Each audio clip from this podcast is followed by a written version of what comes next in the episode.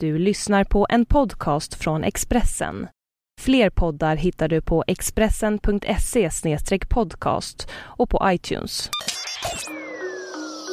Det här är Expressen Dokument om att synen på cannabis blir allt mer liberal av Henrik Ek som jag, Johan Bengtsson, läser upp.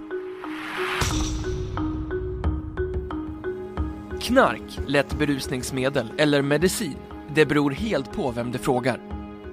Vid årsskiftet blir det lagligt att köpa marijuana över disk i Colorado. En jätteseger för den amerikanska folkrörelse som kämpat för en mer liberal syn på cannabis i årtionden. Fler delstater förväntas att följa efter de närmaste åren. Samtidigt kommer en larmrapport från polisen i Stockholm som visar att många ungdomar i Sverige börjat röka gräs i skolan. Det talas om en inställning till droger de inte sett sedan 60 och 70-talet.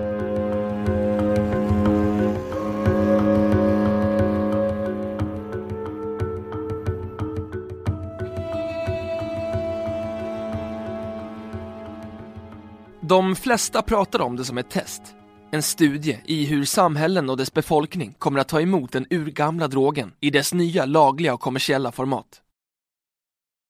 I USA finns en allmän uppfattning om att delstaterna Washington och Colorado, som sprungit om generellt mer gräsvänliga Kalifornien, ska leda vägen för ett bredare federalt godkännande av cannabis om resultatet av de nya lagarna är försvarbara. På samma sätt ska Uruguay, som nyligen lät legalisera försäljning och produktion av drogen som varit laglig för eget bruk sedan 74, visa världen att det går att legalisera en hel nation under reglerade former. Jag skulle säga att legaliseringen i Uruguay är den mest avancerade i världen, säger Hanna Hetzer till amerikanska Al Jazeera. Till samma nyhetskanal säger Pablo Galein från tyska Max Planck-institutionen för straffrätt att det är ett paradigmskifte på internationell nivå. Inom Uruguay har förespråkare slagit fast att en legalisering är bättre än ett förbud eftersom du då kan börja reglera marknaden och eliminera den illegala handeln. I den nya lagen i Uruguay tillåts en privatperson odla sex cannabisplantor i sina hem, gå med i en klubb som gemensamt har max 99 plantor och som mest köpa 40 gram i månaden för sitt rekreationsbruk. I delstaten Washington och i Colorado, där försäljningen börjar efter nyår, är reglerna lite annorlunda. Likheterna i delstaterna är att båda kräver kvalitetssäkringar och tester av en tredje part, har en åldersgräns på 21 år, inte tar emot investerare från andra delstater och att myndigheterna noga övervakar processen från frö till försäljning. Skillnaderna är att Washington tar ut en skatt på 25% i varje led, mellan producent och process, mellan process och återförsäljare och mellan återförsäljare och kund. Enligt lag får inte ett och samma företag stå för alla tre leden. Colorado å sin sida har som krav att ett och samma företag måste vara inblandade i alla steg och man har satt 15% skatt på tillverkningen och 10% moms vid försäljning. Båda ska prissätta drogen konkurrenskraftigt gentemot den illegala handeln. Vi vill ju att det här ska vara en självfinansierad lagstiftning som är robust. Men vi vill inte att priset för laglig marijuana ska bli högre än den illegala så att svarta börsen blir attraktiv igen. Säger Sam Kamin från University of Colorado och rådgivare i planeringen till Time. Enligt en fristående analysfirma kommer delstaten att tjäna nära 400 miljoner kronor om året på nya intäkter och i form av besparingar inom polis och rättsväsende.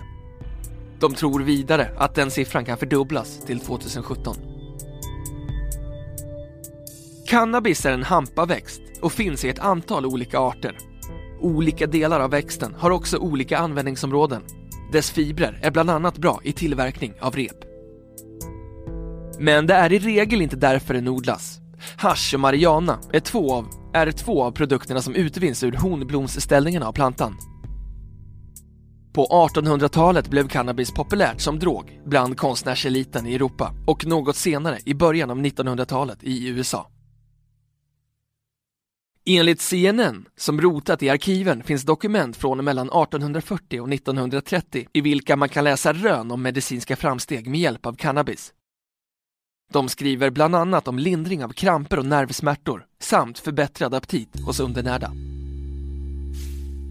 1944 satte New Yorks dåvarande borgmästare Fiorello LaGuardia New York Academy of Science på att forska kring drogens beroendeeffekter. De kom fram till att marijuana inte var avsevärt beroendeframkallande och heller inte några bevis för att växten lättare skulle leda till beroende av morfin, heroin eller kokain.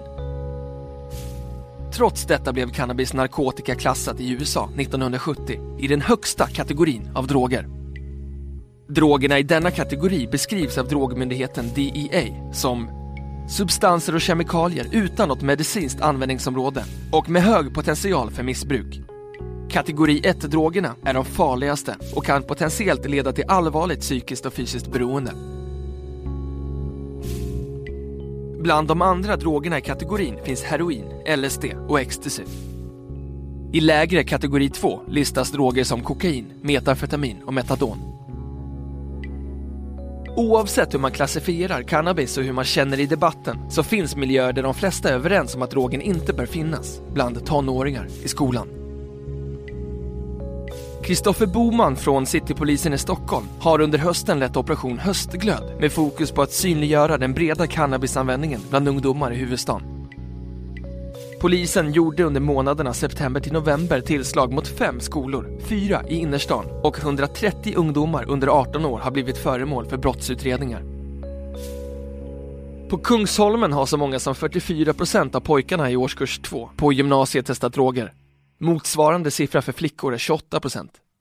Den högsta siffran för ungdomar i årskurs 9 hittar man på Östermalm. 19 procent av pojkarna och 6 procent av flickorna har erfarenhet av narkotika.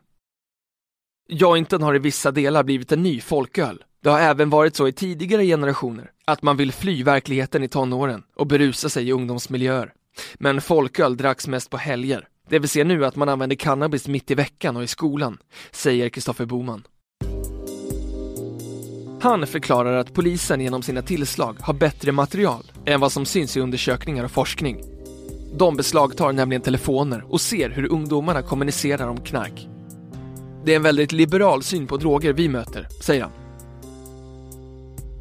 Många ungdomar hamnar i skuld och enligt Boman har polisen sett ungdomar begå både stölder och utnyttjats sexuellt för att ha råd med sitt missbruk. I en artikel i Dagens Nyheter säger Caroline Persson från Citypolisens ungdomsrotel att de under hösten stött på flera tonårstjejer som i högstadieåldern säljer sex för att kunna röka. När vi får reda på de fallen har det gått ganska långt. Det är inga engångsföreteelser. Men jag tror att det händer oftare än vad vi tror. Och det är inte synligt, säger hon till DN. Enligt Boman är debatten om legaliseringen av cannabis för okunnig på politisk nivå. Dessutom ser han vanligtvis människor som bara vill röka för att bli höga, inte alls av medicinska anledningar, vilket trots allt är det vanligaste argumentet. Många är liberala, men när det kommer till cannabis är de fanatiska, säger han och fortsätter. Vi har enorma problem med alkoholen idag. Jag skulle kunna skriva en bok om misären jag upplevt i alkoholens namn. Men att förbjuda alkohol går inte. Det är för kulturellt fäst i vårt samhälle.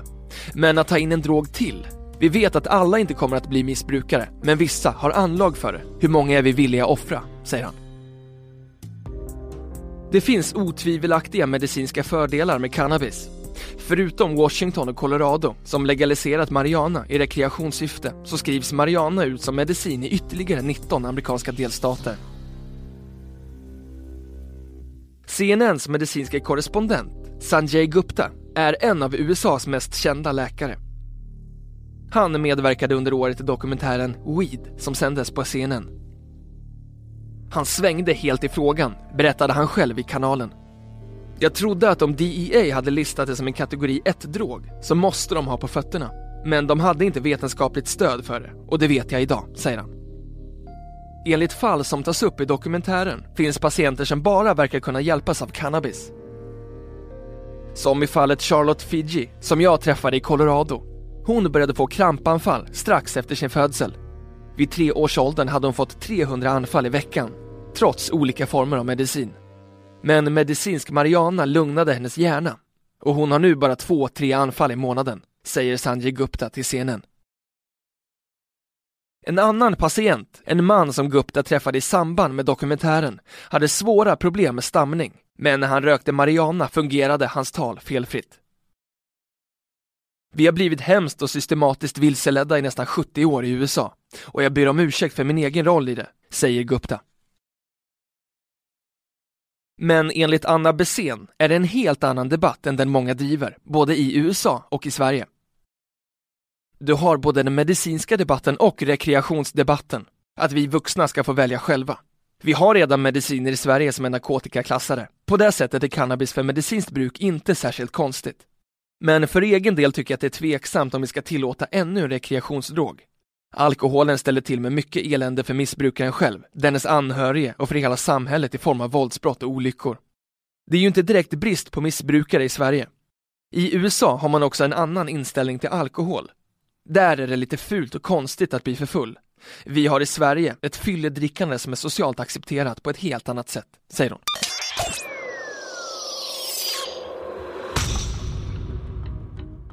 Du har lyssnat på en podcast från Expressen.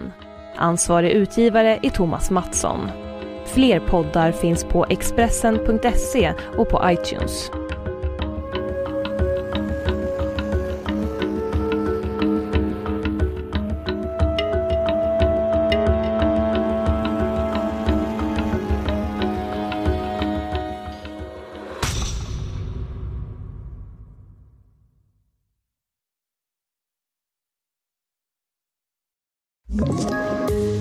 Ett poddtips från Podplay. I fallen jag aldrig glömmer djupdyker Hasse Aro i arbetet bakom några av Sveriges mest uppseendeväckande brottsutredningar. Går vi in med hemlig telefonavlyssning och, och då upplever vi att vi får en total förändring av hans beteende. Vad är det som händer nu? Vem är det som läcker? Och så säger han att jag är kriminell, jag har varit kriminell i hela mitt liv men att mörda ett barn, där går min gräns. Nya säsongen av Fallen jag aldrig glömmer på Podplay.